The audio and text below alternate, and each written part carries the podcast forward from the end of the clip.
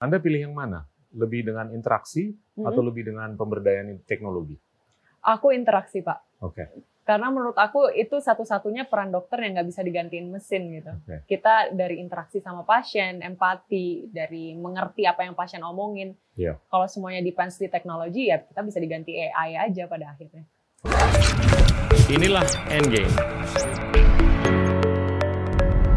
Hai teman-teman, hari ini kita kedatangan Nadira Afifa, salah satu anak bangsa yang sangat membanggakan kita semua akhir-akhir ini karena prestasi yang luar biasa di sekolah yang luar biasa dan kesempatan yang langka untuk eh, bisa memberikan pidato di sekolah tersebut. Nadira, kita ngobrol yuk. Halo Ya. Pak Gita. Uh, it's it's it's it's a pleasure and it's an honor bisa kedatangan Nadira. Saya mau coba uh, tanya Nadira mengenai masa kecilnya. Hmm, Uh, saya perhatiin Anda main flute, betul Pak. ya kan? Main musik. Terus Anda lahir di Jakarta tanggal 14 Maret Benar. tahun 95. Betul. So you are 25 years 25. old. Nah, bisa diceritain nggak growing up uh, di Jakarta itu gimana? Terus apa yang memberikan Anda tuh pengaruh yang luar biasa sampai Anda bisa ke sini sekarang? Tentang growing up uh, menarik sih Pak. Jadi aku sebenarnya dulu di Bekasi tinggalnya. Ka- dulu tinggal di Bekasi. Jadi memang dari kecil itu udah di TK uh, Bekasi, SD negeri, SMP negeri, SMA negeri. Oke. Uh, dan menurut aku yang aku highlight dari masa kecil aku dan how I grow up itu dari didikan orang tua sih. Oke. Jadi Mama, Papa, uh, both tapi lebih ke mama kali ya yang in Oke. charge untuk benar-benar Tiger Mom atau Tiger mom. Tiger Mom? Yes. Terus? Jadi uh, emang banyak hal yang ditanemin sama mamaku dari kecil dan itu diulang-ulang sampai Oke. akhirnya tuh dalam uh, alam bawah sadar jadi aku keinget terus dan itu selalu aku terapin gitu. Apa prinsip-prinsip yang ditanamkan oleh Mama? Mamaku tuh selalu bilang, aku cerita juga di pidatoku yang uh, aku harus mimpi tinggi banget, Betul. pokoknya nggak boleh ada yang batasin, Ya. karena yang batasin cuma pikiran sendiri. Siap. Itu yang selalu mamaku bilang. Dan dari kecil emang aku tuh orangnya selalu takut untuk nyoba gitu, kayak mungkin gak ya masuk sekolah ini, mungkin gak ya nulis di sini atau main Hmm. ini. Tapi mama yang selalu bilang, oh coba aja, kalau misalnya nggak dapet ya udah, pokoknya aimingnya tuh selangit, nanti kalau jatuh masih di awan gitu lah, kira-kira.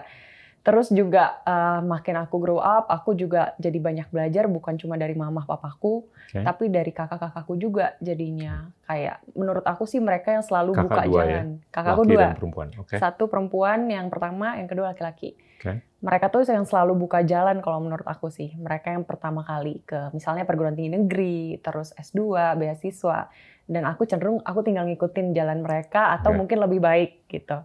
Oke. Jadi banyak aku tuh uh, semua yang aku pelajari itu sebenarnya basically nyontoh dari apa yang kakak abangku lakukan dan juga dari didikan mama papaku. Dan dari kesalahan mereka juga. Betul banget. Oke. Mm-mm. Lebih banyak kesalahan atau lebih banyak yang betul yang Anda pelajari? Um, both sih Pak. Oke. Kalau dari mereka sebenarnya aku lebih banyak kesuksesan mereka yang aku pelajari. bagus. Gimana aku bisa uh, achieve at least mereka dan lebih baik lagi kalau bisa lebih gitu. Dan Oke. memang mamaku tuh membuat kayak uh, environment di keluarga kita Oke. itu saling support tapi saling compete juga in a good way gitu. Jadi kalau kakak bisa segini, Ira bisa segini. Wow. Aku di rumah dipanggil Ira. ya, Pak. Diadu-adu terus ya? Iya, tapi in a good way. Jadi nggak pernah ada Oke. yang tersinggung atau apa. Cuma jadi kita harus aimingnya higher higher lagi, jangan cuma ngikutin yang udah pernah doang gitu. Oke. Hanya sebatas di hal-hal akademis Mm-mm, atau di non akademis juga, extracurricular activities atau apa gitu, mm-mm. disuruh ikut debat, suruh Mm-mm. ikut olahraga, suruh ikut main musik, itu juga mama juga tanamkan. Kalau itu, itu? eh, kalau itu menurutku itu dari aku sendiri lama-lama Oke, aku kayak jadi bagus. outlier di keluarga ya. Jadi Oh jadi kakak nggak nggak ikut Kakakku aktivitas nggak. Kakakku enggak, abangku enggak. Jadi Oke. aku growing up emang dari keluarga yang mungkin bisa dibilang pas-pasan ya Pak ya. Jadi kalau untuk sekolah itu cukup, tapi Yap. kalau untuk tambahan sesuatu yang kayak eh, kayak tersier lah, kayak main musik atau sport itu sulit gitu. Oke. Kalau misalnya nggak eh, nggak nggak penting-penting banget nggak usah lah kayak gitu. Oke. Nah tapi emang waktu aku eh, aku sendiri eh, SMP gitu udah Ya. mulai belajar, oh kayaknya desain bisa belajar sendiri deh dari Hmm. YouTube lah atau beli buku di eh, toko buku terus aku baca di toko buku terus aku praktekin di rumah. Oke. Terus tapi kan makin lama ekonomi juga makin bagus. Pas aku udah mulai sekolah S1 baru mulai tadi yang belajar main musik, main Oke. flute. Oke. Itu. Mata pelajaran apa yang Anda suka waktu SMP atau SMA? Matematika. Oh ya? Matematika banget. Wow. Oke. Biologi justru aku nggak suka tapi end up Oke. jadi dokter. Agak-agak sama. Saya juga nggak suka kimia sama biologi. Karena Oke. menghafal sih jadi aku kurang suka gitu. Oke. Bagian dari matematika apa yang Anda sukai? Eh bagian dari matematika Mm-mm. spesifik di babnya atau gimana, Pak? Mau differential equations, linear algebra, kalkulus atau apa gitu? Aku sebenarnya suka apa pun di math, Oke. tapi eh, aku lebih suka kayak di math itu aku bisa menurunkan rumus sendiri. Oke. Kayak aku bisa pakai nalar aku sendiri instead of Bagus. cuma ngafalin yang ada di buku gitu. Oke. Dan kayak kalau di dulu di sekolahku itu sering ada quiz gitu, Pak. Jadi Oke. kayak eh, cepet-cepetan kayak gurunya ngasih soal di papan tulis terus kita cepet-cepetan dan aku kayak ngerasa aku blessed banget nih karena aku nggak nggak pernah ngafalin jadi soal apa pun aku bisa nurunin gitu dan akhirnya cepet Hmm. Oke. ke ke gurunya kayak gitu. SMP di mana? Dulu aku SMP di SMP 1 Bekasi, Oke. SMA di SMA 1 Bekasi. Jadi emang. Di negeri Bekasi banget. terus ya. Iya. SD-nya juga di Bekasi. SD juga di Bekasi. Oke. Terus keputusan untuk ke UI itu gimana sih prosesnya? Untuk ke UI, nah itu tadi uh, ada bagian yang memang aku ngikutin dari kakakku kan. Kakakku tuh di UI ngambil uh, mesin, teknik mesin. Terus kebetulan dari di keluarga emang selalu pengen aku jadi dokter gitu. Jadi ada part arahan Dari dari, keluarga siapa tuh? Mama. Orang tua, ibu, bapak, dan Oke. bahkan keluarga besarku kayak tante, Oke. om. Karena nggak ada di keluarga yang dokter, biasalah pak dokter selalu dianggap kayak profesi yang betul. atas. Terus aku selalu di-encourage untuk ke sana. Awalnya emang aku nggak mau, tapi ternyata memang uh, didukung juga dari guru-guru. Ngerasa mungkin kayaknya aku lebih uh, cocok passionnya di sana dari Ya. secara skill juga mungkin mampu untuk di sana Mhm. dan aku cari-cari kira-kira mana nih kayak 10 besar mungkin yang uh, kedokteran di Indonesia apa akhirnya aku end up apply di FKUI Oke. Dan waktu di SMP atau SMA tuh mulai dengan apa ya keinginan untuk mengpersu kedokteran tuh pernah ada nggak sih selain tekanan dari orang tua atau anggota keluarga? kalau uh, aku tuh dari kecil pengen jadi arsitek pak sebenarnya Oke. jadi papaku tuh arsitek aku dari kecil sering lihat di uh, kamar papa tuh ada meja gambar yang gede kalau dulu arsitek kan belum pakai software ya pak Oke. masih pakai meja gambar terus aku suka ikutan gambar di sana terus aku suka matematika jadi aku rasa kayaknya arsitek nih cocok banget gitu Oke.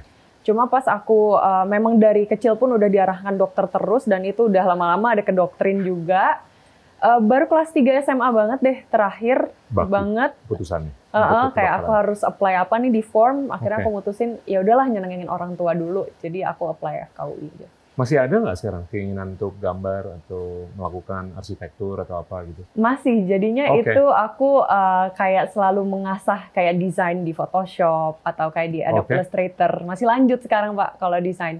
Cuma Oke. aku nggak pernah nyesel untuk ngambil dokter juga karena memang ternyata passion aku juga di dokter tuh besar banget gitu. Oke.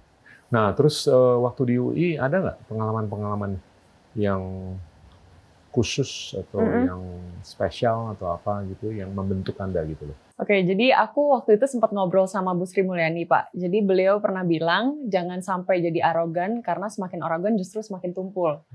Nah, Bagus. itu yang uh, sebenarnya aku kayaknya itu yang aku rasain waktu aku S1 gitu. Aku selalu ngerasa oh jalan aku mulus banget nih dari kecil sampai Iya. sekarang di FKUI, gak pernah hambatan, nggak ada hambatan yang berarti dan tanpa sadar kayaknya jadi arogan gitu loh Pak. Iya. Aku kayak nggak terlalu belajar juga, nggak terlalu merhatiin guru gitu. Dan waktu di FKUI itu akhirnya aku ada uh, beberapa kelas yang aku fail. Jadi aku uh, mundur, koasnya mundur, terus Hmm. Oke. wisudanya terlambat, pelantikan dokter telat. Oke. Dan itu tuh sebenarnya uh, di samping bikin emang pendidikannya telat, jadinya justru kayak uh, bikin minder juga sih. Kayak aku Ya. nge-value diri aku lebih rendah dari yang biasanya gitu. Hmm. Misal tadinya aku nilai diri aku 10, sekarang jadi cuma 5, jadi 4. Wow, Nah, malu sama teman-teman. Ah, karena menurut aku aku selalu kayak uh, dikenal sebagai orang yang mulus-mulus aja gitu, Ya. sukses-sukses aja. Terus ternyata kok jadi termasuk golongan yang bawah nih gitu dan itu malu banget. Terus uh, justru tapi karena gagal itu sih bagus. lama kelamaan balik ke bumi. uh, uh, aku juga jadi kayak ada dua sisi ini yang bisa aku lihat kalau orang gagal tuh antara jadiin titik balik atau titik berhenti gitu. Ya. Dan untungnya aku jadi titik balik. Justru aku malah semakin Bagus. semangat setelah gagal itu. Gimana ya paling nggak value aku, aku ngeliat value aku tuh tinggi lagi gitu. Oke. Untuk diri aku sendiri dan kepercayaan diri aku sendiri. Jadinya- itu dari diri sendiri aja atau ada ekosistem di sekitarnya yang membantu, memberikan coaching, nasihat, advokasi atau apa untuk bangkit lagi. Eh, sebenarnya sih nggak terlalu ada ekosistem lain yang membantu luar ya. biasa. Lebih ke keluarga aja lagi-lagi kayak aku cerita ke keluarga dan mereka menguatkan dan akhirnya aku justru jadi mulai coba untuk conference, untuk kayak lomba-lomba di luar negeri dan itu tanpa sadar juga jadi CV yang bagus banget buat aku Ya. pas akhirnya apply ke Harvard gitu. Oke. Ke mana aja ke luar negeri waktu di UI? Waktu di UI aku conference-nya ke Prancis sama ke Jepang, Oke. koasnya di Jepang di Di Belanda. Saint Luke waktu itu kan? Iya di Saint Luke. Oke. Kok Bapak udah tahu? Iya. Bisa Saya di- telepati gitu.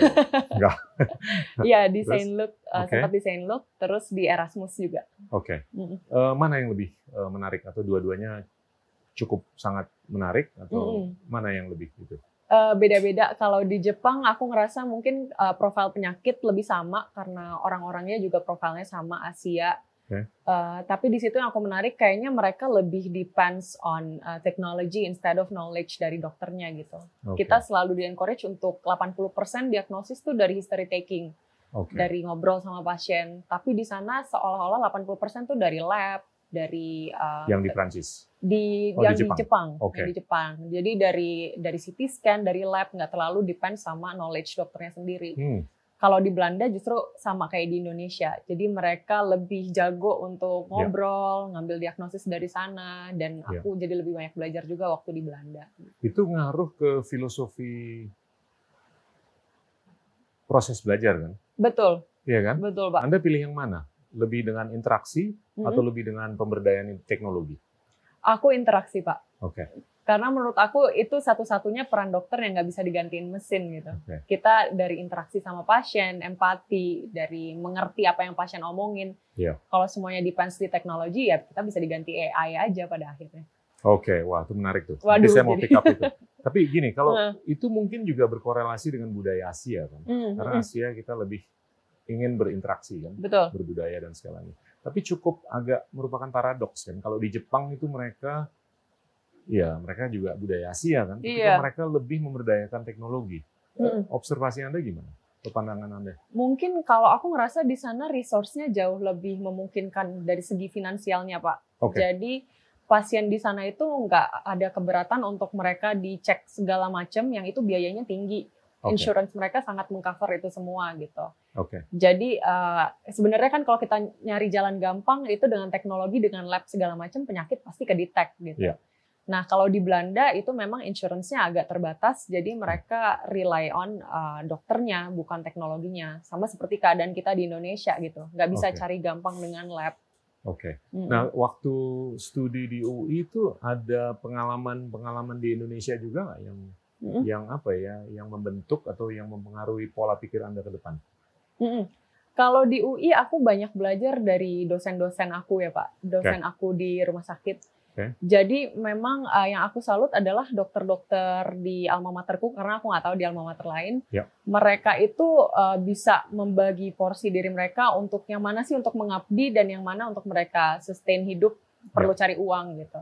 Oke. Jadi kalau untuk di mereka kan di RSCM prakteknya ya Pak, Ya. di Cipta Mangunkusumo mereka itu benar-benar dedicating themselves saja, nggak Ya. cari uang, kerja dari pagi sampai malam termasuk kayak untuk membina koas-koas dan mahasiswa-mahasiswa kayak aku waktu zaman itu gitu. Ya. Tapi ada waktunya mereka mungkin waktu weekend mereka cari praktek di tempat lain rumah sakit swasta yang emang di situ untuk middle upper dan tujuannya untuk mencari uang untuk mereka hidup. Ya. Jadi mereka porsinya jelas dan akhirnya uh, dokter itu jadi nggak nyari duit banget gitu. Ya, ya. Jadi bisa uh, porsinya jelas. Ya, ya. Itu kalau saya lihat di kayak di Amerika Serikat lah ya, Mm-mm. eh, orang Amerika Serikat keturunan Asia Hmm. itu kayaknya tuh eh, tekanan untuk belajar menjadi dokter Mm-mm. itu tinggi sekali kan. Betul, Dan saya kadang-kadang agak-agak bergurau dalam arti kata itu lebih karena prestis, betul. bukan kemuliaan ilmu kedokteran atau menjadi dokter. Mm-mm. Nah, pandangan Nadira gimana tuh mengenai hal-hal seperti itu? Iya. untuk kebanyakan orang masih memang profesi dokter untuk sekedar prestis sih Pak. Ya. Jadi uh, terutama untuk keluarga atau orang tua yang mengencourage anaknya untuk jadi dokter Iya. itu biasanya mereka uh, memang memandangnya itu profesi yang tinggi secara prestis gitu. Iya. Aku juga lihat itu lebih banyak di budaya Asia memang karena uh, orang-orang yang biasanya dipatri untuk jadi dokter tuh orang uh, Chinese, Ya. terus India yang Ya. paling sering aku temuin. Ya. Sementara di untuk di US dan segala macam itu nggak terlalu jadi hal yang uh, profesi tinggi jadi patokan gitu. Iya, iya. Dan itu salah satunya juga karena uh, strata tenaga medis tuh beda-beda. Kalau misalnya di negara berkembang kayak kita dan India, Iya, iya. dokter itu dipandang yang paling atas, bawahnya perawat, terus bidan dan lain-lain. Oke. Sementara di negara lain, mau jadi dokter, jadi nurse itu sama susahnya dan pre- Betul. prestisnya tuh Betul. sama. Gitu. Betul. Nah, kalau menurut Anda, ini ada dua hal yang saya mau apa angkat statistik mengenai jumlah tempat tidur per seribu orang Mm-mm. di Indonesia. Mm-mm. Tempat tidur rumah sakit yang masih sangat suboptimal, Iya. ya kan? Di bawah dua per seribu. Mm. Jumlah dokter yang di bawah satu per seribu orang. Iya. Itu jauh di bawah metrik-metrik OECD kan? Betul. Nah, Anda kan baru aja lulus dengan S2 ilmu public health, ya kan? Itu ke depannya gimana tuh Indonesia eh, Hmm. penyikapannya? Bener Pak, jadi kalau untuk, aku kurang tahu kalau jumlah hospital bed, tapi Iya. kalau dokter memang masih satu banding 1.500. Betul. Jadi artinya masih jauh banget dari yang Betul. ditargetkan gitu kan. Betul. Kalau US itu satu banding 300, Iya, jadi kurang jauh. lebih lima kali Hmm. lipatnya kita Betul. harus kayak gitu ya. Menurutku eh, masalahnya banyak sih. Yang pertama memang eh, itu juga satu banding 1.500 masih congested di Jakarta atau di Jawa Barat Betul. gitu. Jadi nggak merata pula Distribusinya juga nggak itu kan? nggak distribusinya rata. Iya. Nah, eh, menurutku untuk ke depannya memang perlu lagi dicanangkan untuk putra putri daerah itu Siap. harus mengenyam pendidikan setinggi mungkin, misalnya untuk jadi profesi dokter atau engineer.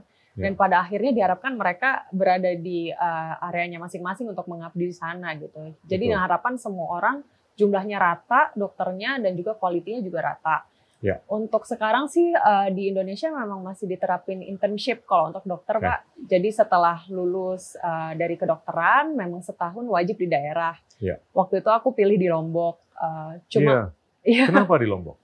di Lombok karena Karena eh, pantainya bagus. pantainya bagus ya.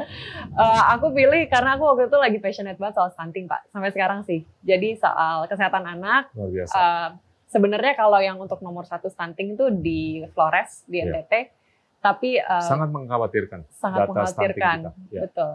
Tapi, Tapi, udah mendingan ini sih beberapa tahun terakhir. udah turun Hmm. 8% dalam Betul, lima tahun. dari 37 ke 30-an kan? Iya. Ya. Hmm. Sekarang terakhir 27,7 Oh, kalau nggak salah. Oke, Iya, even better.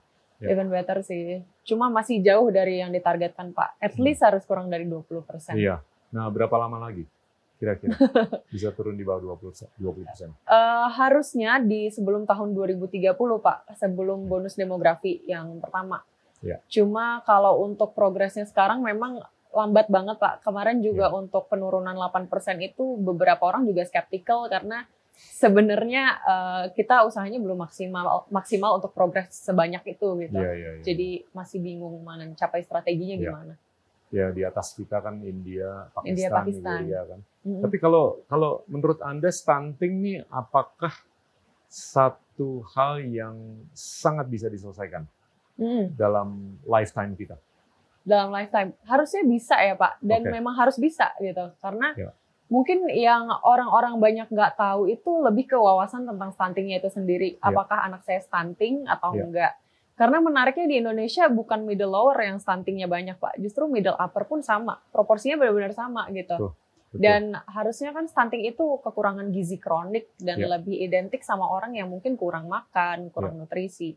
Tapi nyatanya di Indonesia yang orang yang atas-atas pun juga stunting tanpa kita ketahui gitu. itu lebih karena salah makan Mm-mm. atau kurang makan Jadi lebih ke uh, kompleks sih Pak, karena untuk yang upper class gitu. stunting itu developnya dari mulai kita masih dijanin Oke. sampai kita uh, usia di bawah 2 tahun. Ya. Dan kalau upper class mungkin lebih ke kesalahan makan sih. Ya. Orang Indonesia itu sangat heavy di karbohidrat, sangat jadi harus nasi nasi tapi nggak pernah yang micronutrientnya itu dipedulikan gitu, iron, zinc dan segala Ya. macam.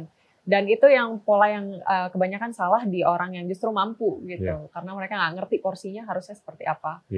Nah, itu kalau menurut Anda uh, gimana bisa mengubah diet masyarakat luas di Indonesia mm-hmm. untuk supaya problem stunting kita tuh menurun di bawah 20% persen mm-hmm. idealnya. Mm-hmm.